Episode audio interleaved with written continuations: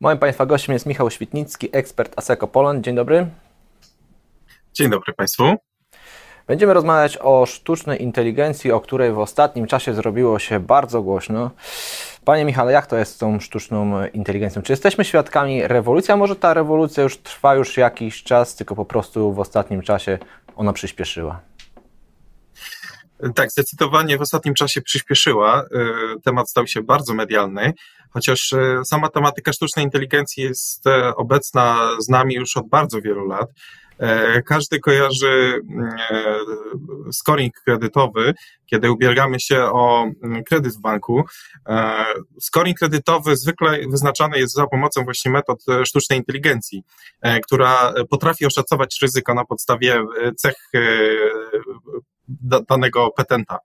E, także mm, z różnymi formami sztucznej inteligencji mamy do czynienia już od bardzo dawna.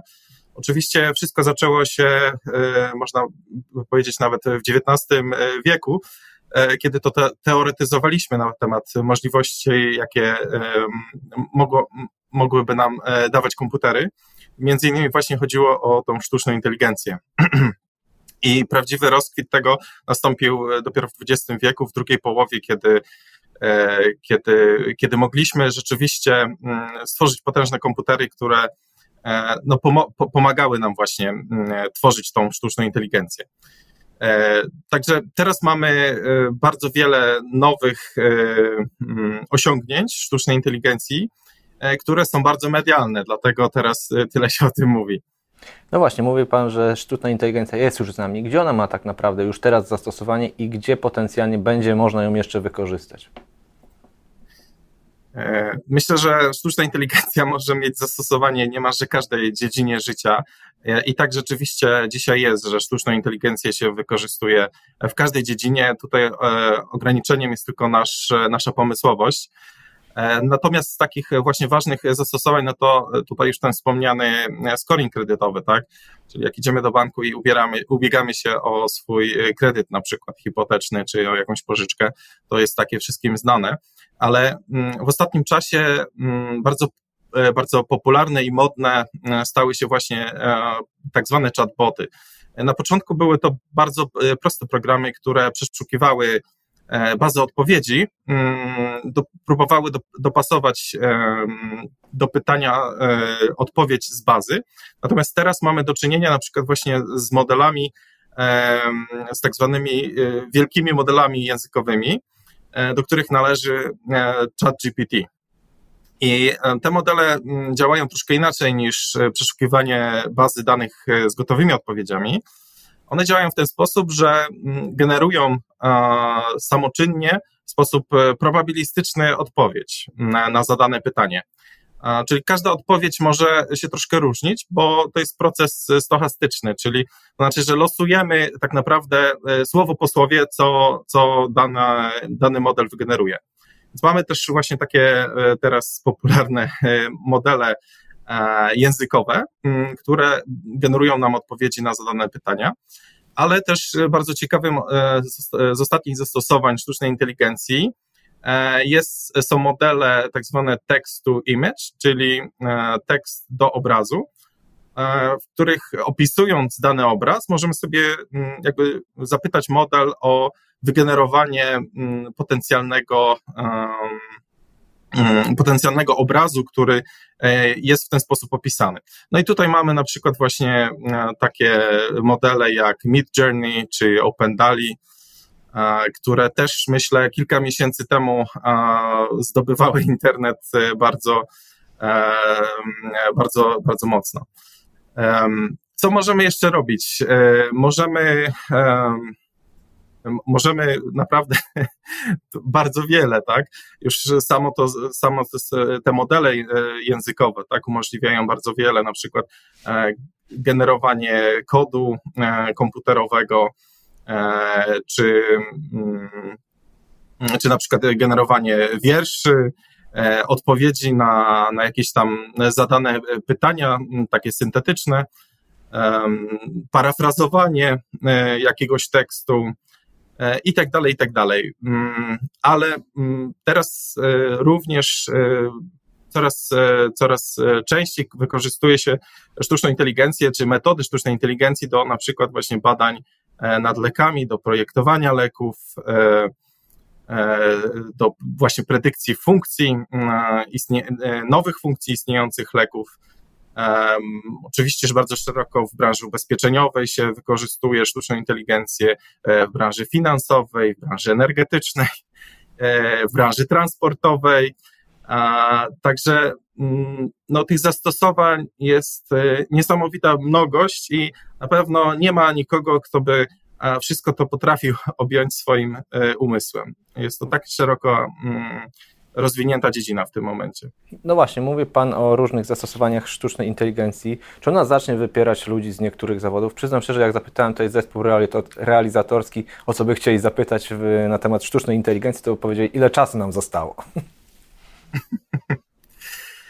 To y, niejako jest y, y, słuszna, słuszna, mm, słuszna obawa, ale to jest na tej samej zasadzie, na której e, powstawały, e, powstała maszyna parowa. Tak? To jest wynalazek, który znacznie usprawnia nasze życie, znacznie usprawnia to, co my robimy. I oczywiście, jeżeli ktoś na przykład przez całe życie, mm, nie wiem, skręcał dwie śrubki, tak, i nagle przyszła maszyna, która skręca te dwie śrubki, no to on będzie musiał zająć się czymś innym, tak? Już nie skręcaniem dwóch śrubek, tylko czymś bardziej twórczym. I ja bym e, przestrzegał przed e, właśnie takim myśleniem, że to jest e, jakieś straszne zagrożenie, bo jakby sztuczna inteligencja nie zastąpi kontaktu człowieka z człowiekiem, tak? Nie zastąpi takich usług osobistych, tak? Więc tego typu prace myślę, że są niezagrożone. Natomiast takie powtarzalne prace, mm, tak jak w przypadku automatyzacji i robotyzacji, e, to sztuczna inteligencja będzie potrafiła mm, e, tutaj zapełnić e, tą potrzebę biznesową de facto. Mm. I tu na przykład przykładem może być właśnie ta grafika komputerowa, gdzie część grafików po prostu tworzyła takie generyczne, generyczne ilustracje, generyczne obrazy, I teraz właśnie takie modele jak Mid Journey czy Open DALI potrafią zautomatyzować e, ten, to zadanie, tak?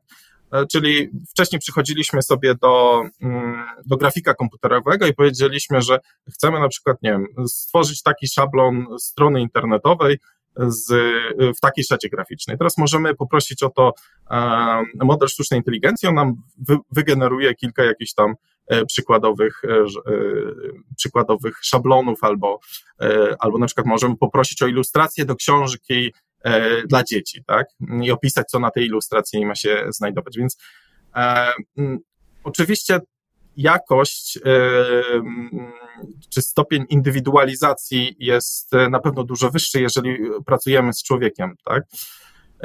Tutaj też trzeba pamiętać, że sztuczna inteligencja E, no, wydawałoby się, że ona wymyśla coś na nowo, ale tak naprawdę bazuje na e, tym, co, mm, z czym miała już do czynienia, tak? Czyli mówimy tutaj o zestawie danych treningowych, na których ta sztuczna inteligencja e, się uczy i więc sztuczna inteligencja jest bardzo odtwórcza. Jeżeli chodzi o prawdziwą innowację, to do tego póki co zdolni są jedynie ludzie. Więc tutaj takie zawody twórcze E, na pewno są niezagrożone, takie prawdziwie twórcze i wybitne. Panie Michale, a czy Wy w grupie ASECO już się zaprzyjaźniliście ze sztuczną inteligencją? Tak, oczywiście jesteśmy zaprzyjaźnieni. E, tutaj jest e, wiele działów, których się tak naprawdę w tym, w tym momencie już WASECO zajmuje sztuczną inteligencją, w tym nasz zespół, który zajmuje się administracją publiczną. E, I tutaj e, mamy już nawet e, za sobą dwa spore wdrożenia właśnie mm, sztucznej inteligencji w administracji publicznej. Także tutaj mamy jak, jak najbardziej sporo swoich własnych doświadczeń i przemyśleń na ten temat.